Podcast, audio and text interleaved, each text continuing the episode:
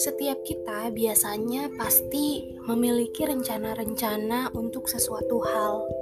Mereka yang sudah lihai dalam melakukan sesuatu hal pasti akan tahu bagaimana rencana mereka akan dijalankan. Seseorang seperti ini tidak perlu lagi perencanaan yang dimulai dari nol, karena biasanya dia punya referensi harus dan akan melakukan apa step by stepnya tuh sudah tergambarkan. Namun lain halnya bagi seseorang yang belum pernah melakukannya. Untuk melakukan sesuatu tidak hanya bermodalkan tangan kosong. Ia harus mencari referensi-referensi. Semisal bacaan, sampel-sampel, bahkan trial sampel dilakukan dari referensi sebelumnya. Jadi bukan tanpa sadar dia mencoba apa pun. Bukankah optimis itu tidak hanya berasal dari rasa percaya diri saja, tetapi ia adalah kelahiran dari sebuah persiapan yang baik.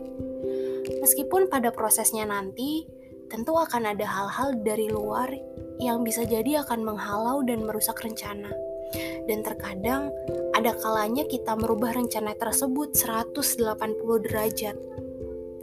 Hal itu terjadi bahkan ketika kita sudah memikirkan banyak rencana-rencana cadangan.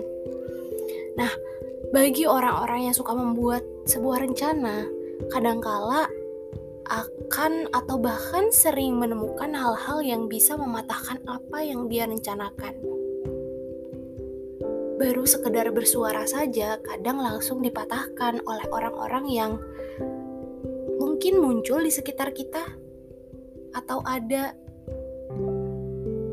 di lingkungan terdekat kita. Kamu sudah berapa banyak hal yang dipatahkan bahkan ketika baru saja berbicara? Kira-kira berapa banyak juga yang gagal ketika berada di tengah-tengah proses menjalankan perencanaan? Sadar atau tidak, beberapa orang akhirnya memilih lebih banyak untuk bungkam karena ada banyak hal dan orang-orang yang tak sejalan dengan dirinya. Lalu, kamu bertanya-tanya, kapan buah pemikiran itu bisa diterima? Tapi bukan, mungkin bukan seperti itu. Pertanyaannya mungkin Kapan kamu bisa bersuara dengan lantang mengucapkan gagasan-gagasan baik yang ada di dalam pikiranmu tanpa lebih dahulu mempedulikan sebanyak apa orang akan mematahkanmu?